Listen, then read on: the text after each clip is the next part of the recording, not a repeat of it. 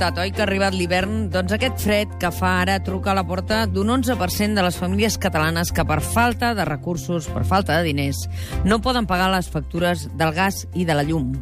La Generalitat, ja ho sabeu, va aprovar fa un any aquest decret per combatre el que n'anomenem pobresa energètica, però no el podrà aplicar.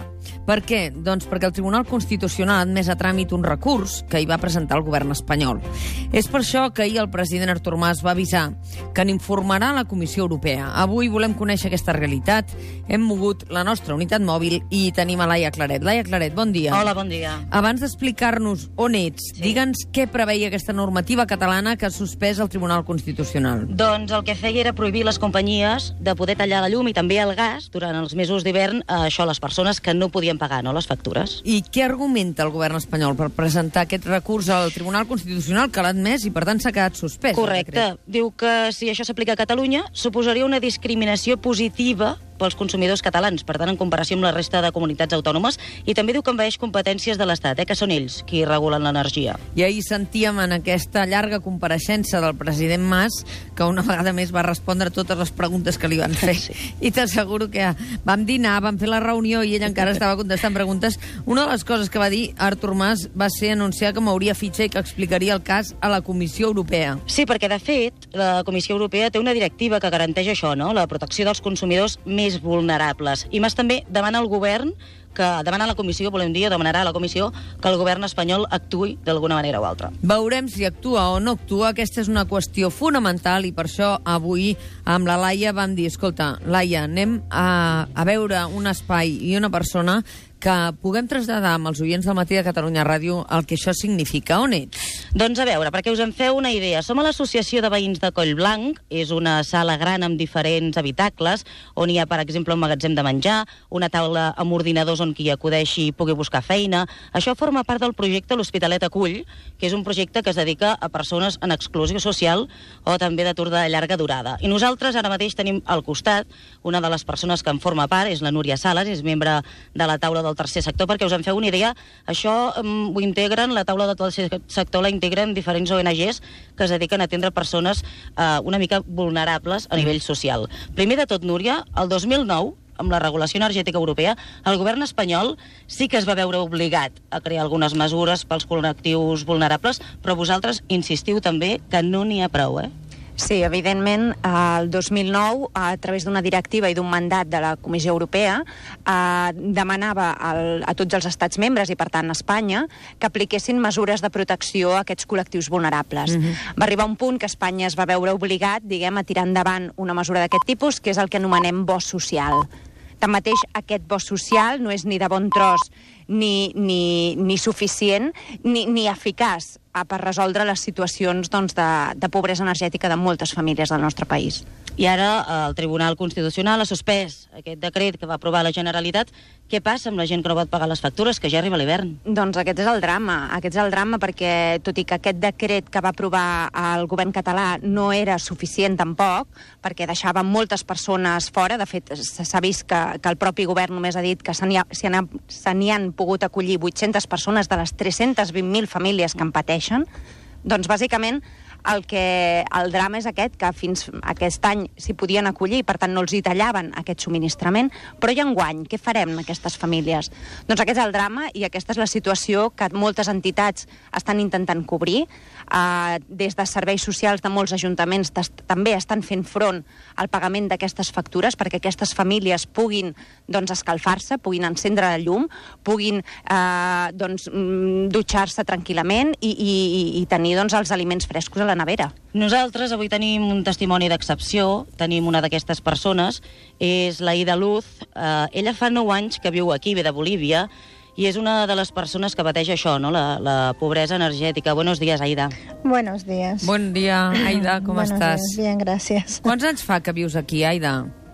Uh, son nueve años. 9 anys. I tu quants anys tens? Si t'ho puc preguntar. Jo en tinc 46. Tu quants en tens? 50. I tens fills? ¿Tienes hijos? Ahí de vegades Sí, català sí, li costa tengo. una mica. Sí, ¿Tienes cuántas hijas tienes? tú? tengo seis hijos. ¿Y, ¿Y cuánta gente vivís en casa? A ver, en casa solamente vivimos seis personas. Seis son? personas. Son mis dos hijos, mis dos hijas y mis dos nietos y mi yerno y yo. Usted no cobra ningún subsidio no, ahora mismo. no cobro nada. Y por tanto llegan facturas, luz, agua, gas. ¿Le han cortado alguna vez Una algún vez me cortaron el agua porque no tuve para pagarlo. Mm. Y oye, Aida, ah, Dígame. ¿tus hijas no trabajan? Mis dos hijas están trabajando. Trabajan. Sí. ¿Y, y cuánto ingresan? Si lo puedes contar. A ver, mi hija la, mm, que tiene su pareja, bueno, el, el sueldo de ella es 700. 700 euros. Y con Sí. esto vivís. Sí, la otra está trabajando así por horas en una residencia, le pagan 300. Y oye, Aida, no, ¿vosotros no recibís ningún, ningún tipo de subsidio, de ayuda? No, ¿Y la situación cuál es? Que a través de la asociación eh, l'Hospitalet Acull os, os procuran alimentación, supongo, sí, solamente la alimentación. Fui a la asistente social a pedir alguna ayuda para que me puedan dar alguna paga, que me dijeron que hay el suicidio del primi, pero me dijeron que no, porque como trabajan mis dos hijas. Pero ellos no toman en cuenta que mi hija, la mayor, o sea, que tiene su pareja, tiene su hija. Mm. Y mi otra hija también tiene su hija, entonces yo no quedo nada, tengo que esperar. ¿Y ahora cómo lo hace cada mes cuando llegan las facturas de agua, luz, gas? A ver, un mes eh, pago primero de la luz y el gas y al siguiente mes pago del agua. Ya. Viendo- Para evitar que te lo corten, ¿no? Sí, para evitar. Vas porque- alternando, ¿no? Claro, porque de otra manera no hay modos, no hay entrada. ¿Y cuántos? ah, tú tienes aquí dos hijas, pero tienes más hijos en, en Eh, Bolivia, sí, ¿verdad? en Bolivia lo tengo cuatro hijos. ¿Y a tu marido también está allí o la- sí, el está padre de allá. los sí, hijos también sí, está se allí? fue allá. Por lo tanto, ah, no tienes, lógicamente, ni, ni para visitarlos de vez en cuando. ¿Cuándo hace que no vies a tus cuatro hijos, los que están en Bolivia? Ya que son nueve años. Quasi nueve anys. Aquesta és la situació, uh, Laia, Sí. que tenen... Uh, volíem parlar amb un testimoni uh, perquè la Núria ens valorés uh, també eh, que aquest no és una excepció, és que n'hi ha molts de casos d'aquests, no, Núria?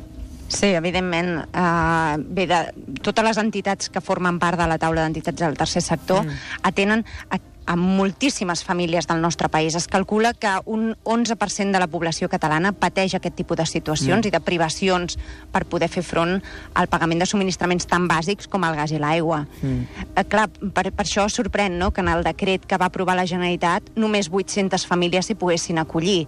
Bé, dona a entendre que, que ni de bon que tros... també era insuficient. Ah, efectivament. Que també era insuficient. A, a, a, insuficient, ineficaç i completament mm, desajustat a la realitat de- d'aquestes famílies. Però aquesta- aleshores quines alternatives tenim, Núria? Perquè... mm, Bé, d'alternatives n'hi ha moltes. És a dir, penseu que la, la pobresa energètica té tres grans causes. Per una banda, la disminució brutal dels ingressos de les famílies, que com hem vist amb la crisi doncs, ha estat brutal. Després, la, el, la insuficiència i la poca qualitat del nostre parc d'habitatges. Amb això es pot fer moltes coses, és a dir, per exemple, des del govern de la Generalitat es podria apostar per fer una aposta ferma per millorar tot el que seria la- l'aïllament dels habitatges. Pensa que el, més del 50% dels pisos on vivim a, a casa nostra no, no estan ben aïllats. Per tant, doncs, genera una situació i afavoreix que, que la pobresa energètica s'instal·li a les llars de les famílies. I després, per altra banda, els preus tan desorbitats de l'energia que constantment van creixent. Sentíem també el conseller mm, Puig que deia de la possibilitat de, de que, aquesta, de que l'energia no es gravi amb el 21%, que és l'IVA més, més alt que, que existeix, ja que això no és un bé de- de- d'excel·lència o de privilegi, sinó que és un bé de, de subsistència. Però, Sí. clar, per això necessitem l'aposta la, l'aposta també del, del govern central, del govern de Madrid.